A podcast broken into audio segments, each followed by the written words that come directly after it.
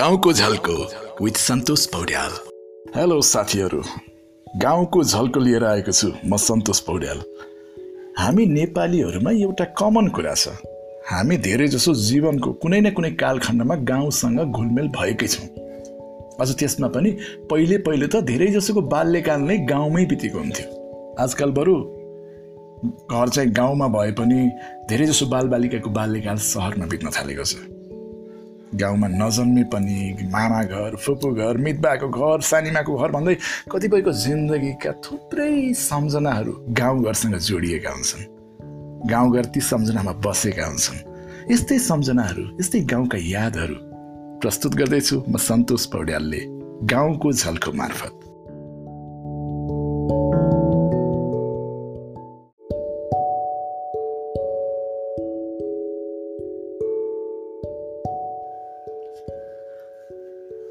Hello साथीहरू। गाउँको कुरा गर्ने हो भने त्यसमा पनि तराईतिरको गाउँको कुरा गर्ने हो भने त्यहाँ साइकलको चर्चा भएन भने मजा नै आउँदैन। त्यसैले आज साइकलको कुरा गरौँ। हामीहरूकोमा साइकल सिक्ने काम निकै सानै हुँदाबाट हुन्थ्यो। भन्नाले निकै सानो उमेरदेखि नै हामी साइकल चलाउन थाल्थ्यौँ। अनि साइकल सिक्ने कुरा पनि एकदम स्टेप स्टेप हुन्थ्यो। पहिला कैँची सिक्ने एउटा हातले साइकलको सिट समात्ने दाहिने हातले अनि देब्रे हातले ह्यान्डल समातेर सिकिन्थ्यो। खाचाक। खाचाक गर्दै चेन खुस्काउँदै बेला बेलामा चेन खुस्किन्थ्यो। त्यसलाई कैँची भन्थ्यो हामीले। त्यसपछि डन्डीमा बसेर सेकेन्ड स्टेप किनकि खुट्टा नै पुग्दैन थियो सिटमा बस्नको लागि। अनि अन्त्यमा सिटमा बसेर चलाइन्थ्यो साइकल। सिटमा बसेर चलाउँदा पनि खुट्टाले पाइरलसम्म पुग्दैन थियो। किनकि हामी सानै हुन्थ्यौँ साइकल ठुलो हुन्थ्यो। त्यसैले जुन खुट्टाले पाइडल भेग भेट्छ नि त्यो खुट्टाले बेसरी धकल्ने अनि साइकल अगाडि बढ्दै जान्थ्यो अनि अर्को खुट्टाले धकल्ने पुरै छुँदैन थियो पाइडल पनि। हाम्रो गाउँतिर पहिले पहिले बाटो बाटोमा ठुला रुखहरू पनि हुन्थे दुईतिरबाट हिँड्ने ठाउँ हुन्थ्यो।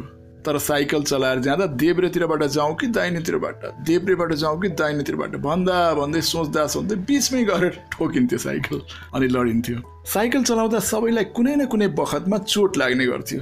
त्यसैले एउटा विश्वास नै बनेको थियो हामीमा कि साइकल चलाउनको लागि चोट नलागेसम्म साइकल सिकिँदैन भनेर।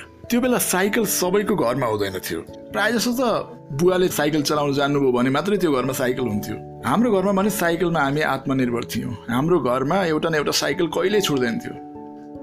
लगभग पन्ध्र सय दुई हजार जतिमा साइकल पाइन्थ्यो। मेरो बुवालाई त्यो थोत्रो साइकल चलाउन खासै मन लाग्दैन थियो। अलिकति पुरानो भयो कि उहाँले बेचिदिइहाल्ने अनि नयाँ साइकल किन्नै पर्ने। र त्यो साइकल किन्नको लागि पनि यताउता होइन सिधै नौत नभा त्यहाँ पुगेर साइकल एसेम्बल गर्न लगाएर ल्याउने पनि पार्टहरू आफूले रोजेर। तर धेरै जसो मेरो साथी सर्कलमा धेरै जसोको साइकल भने थिएन। कोही पाहुना घरमा आयो भने साइकल टिपेर टाप कसिहाल्ने। सोधपुछ केही छैन। साइकल टिप्यो हिँड्यो।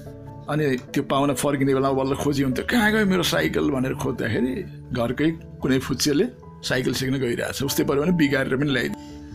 त्यो बेला एटलस हिरो अनि हर्कुलस साइकलहरू हुन्थे। कुनै कुनै साइकलमा त लाइट पनि हुन्थ्यो।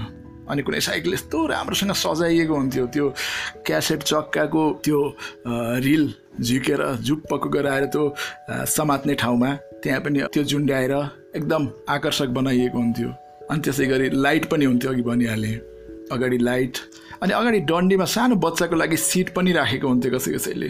प्रायः जसो हामी साइकलमा तिनजना बसेर कुदिन्थ्यो। एकजनालाई पछाडि क्यारियरमा राख्ने अनि एकजना अगाडि डन्डीमा बस्ने अनि त्यसपछि एकजना चलाउने। सुरुमा त्यो पछाडि मान्छे राखेर चलाउन निकै गाह्रो हुने। ह्यान्डल यताउता घुमेको घुमे घुमेको घुमे गर्ने। त्यसैले बरु अगाडि मान्छेलाई राखेर राम्रोसँग चलाउन सकिन्थ्यो सुरु सुरुमा। अनि साइकलको चेन फुस्किँदाको तनाव बेग्लै हातैभरि त्यो ग्रिज लाग्ने त्यो ग्रिज कहिले काहीँ मुखतिर पनि कालै कालो लगाएर हिँड्यो। घरमा साइकल भए पनि मलाई त्यो साइकल लिएर यताउता हिँड्न त्यति अनुमति थिएन। अझ स्कुल त लानै पाइँदैन थियो। मलाई पनि आफूले साइकल लिएर गयो भने सबै साथीहरूसँग छुट्टिनु पर्ने भएको मलाई पनि खासै स्कुल लैजान पनि मन लाग्दैन थियो। लगभग तिन किलोमिटर टाढा थियो हाम्रो स्कुल। हाम्रो ग्रुपमा एकजना दाईले मात्र साइकल लिएर जान्थे। हामी सबैका प्रिय हिरा दाई। उनको बोलाउने नाम गोरे दाई पनि थियो। धेरै असल दाई। हुन त उनीहरू म एउटै कक्षामा पढ्थ्यौँ तर उमेरमा सिनियर भएकोले हामी सबैका गोरे दाई थिए उनी भुपु लाउरेका छोरा गोरे दाईले भने साइकल लिएर जान्थे स्कुल। तर बिचरा उनले आफूले चलाउन पाउँदैन थियो हाम्रो सर्कलमा लगभग सबैले साइकल चलाउन सिकेको। मैले त होइन किनकि मेरो घरमै साइकल पनि थियो। तर धेरै जसोले साइकल सिकेको त्यही साइकल होला। हामी सबैका झोला त्यही साइकलले बोक्थ्यो। एक भारी झोला बोकेर प्रायः जसो डोराउँदै हो स्कुल जाने पनि। कहिलेकाहीँ हामी साइकलमै बुटोल पुग्थ्यौँ फिल्म हेर्न। हाम्रो गाउँबाट तेइस किलोमिटरको दूरीमा छ बुटोल। जाँदा तेइस फर्किँदा तेइस किलोमिटर। त्यत्रो साइकल चलाउँदा पनि हामी थाक्दैनथ्यौँ। फिल्म हेर्न पाए मस्त भइन्थ्यो हिन्दी फिल्महरू धेरै जस्तो। अनि फागुन चैततिर हुरी बतास चल्ने बेलामा साइकल चलाउन निकै गाह्रो हुन्थ्यो। त्यसमाथि त्यो बैलगाडा लडिया लडिया चल्ने त्यो बाटो त्यो लडियाले बनाएको लिगमा साँगुरो लिग हुन्थ्यो। अब त्यसमा मात्रै साइकल चलाउन अनुभवीहरूले मात्र सक्थे। सिकारुहरू त छिन छिनमै भल्ड्याङ खाइन्थ्यो लडिया लडे। यसै गरी त्यो बेलामा साइकल मर्मत गर्ने पनि खासै धेरै ठाउँ हुँदैन थियो। अलिक टाढै पुग्नु पर्थ्यो। तर कसै कसै कहाँ भने हावा भर्ने पम्प हुन्थ्यो र कतिपटक पचास पैसा एक रुपियाँ तिरेर तिरेर हामीले हावा भर्थ्यौँ साइकलमा पहिलाका ती घुमाउरो ह्यान्डल भएका साइकलहरू हुन्थे। पछि त्यो सोझो ह्यान्डल भएका हिरो रेन्जर साइकलहरू पनि आए गियरवाला साइकलहरू पनि आए। तर त्यसको त्यति अनुभव गर्न पनि पाइएन। हाम्रो लागि त उही युवा आकारको आफूतिर फर्केको युवा आकारको ह्यान्डल भएको त्यही बुढो साइकल प्यारो थियो। त्यही नै आफ्नो प्यारो साथी थियो। साथीहरू यस्तै थियो हाम्रो गाउँले जिन्दगी। अनि यस्तै थियो साइकलसँगका अनुभवहरू। मैले अनुभवहरू सुनाउँदै गर्दा कतिपय कुराहरू छुटेका हुन सक्छन्। कसैको लागि कुनै अनुभवहरू असान्दर्भिक पनि हुन सक्लान्। जस्तै यो साइकलको कुरा गरिरहेको छु। पाहाडतिरको कुनै साथीले यसलाई सिधै रिलेट गर्न सक्नुहुन्न होला। तर तराईतिरको धेरैले यो अनुभव गर्नुभएको छ जस्तो मलाई लाग्छ। यो कार्यक्रममा मैले आफ्नै अनुभवहरू सुनाइरहेको छु। त्यसैले मेरै क्षेत्रको अनुभवहरू धेरै आउन सक्छ।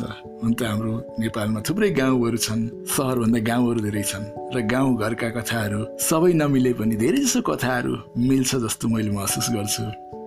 यी कुराहरूले तपाईँलाई पनि गाउँको झल्को आउन सक्छ। राम्रो लाग्यो भने सेयर पनि गर्नुहोला। मलाई सुझाव पनि दिँदै गर्नुहोला। मेरो इमेल एड्रेस हो Santosh Paudyal at the rate Gmail dot com साथीहरू आजलाई बिदा दिनुहोस्। अर्को पटक फेरि अरू कुरा गर्न म आउनेछु। फेरि भेटौँला।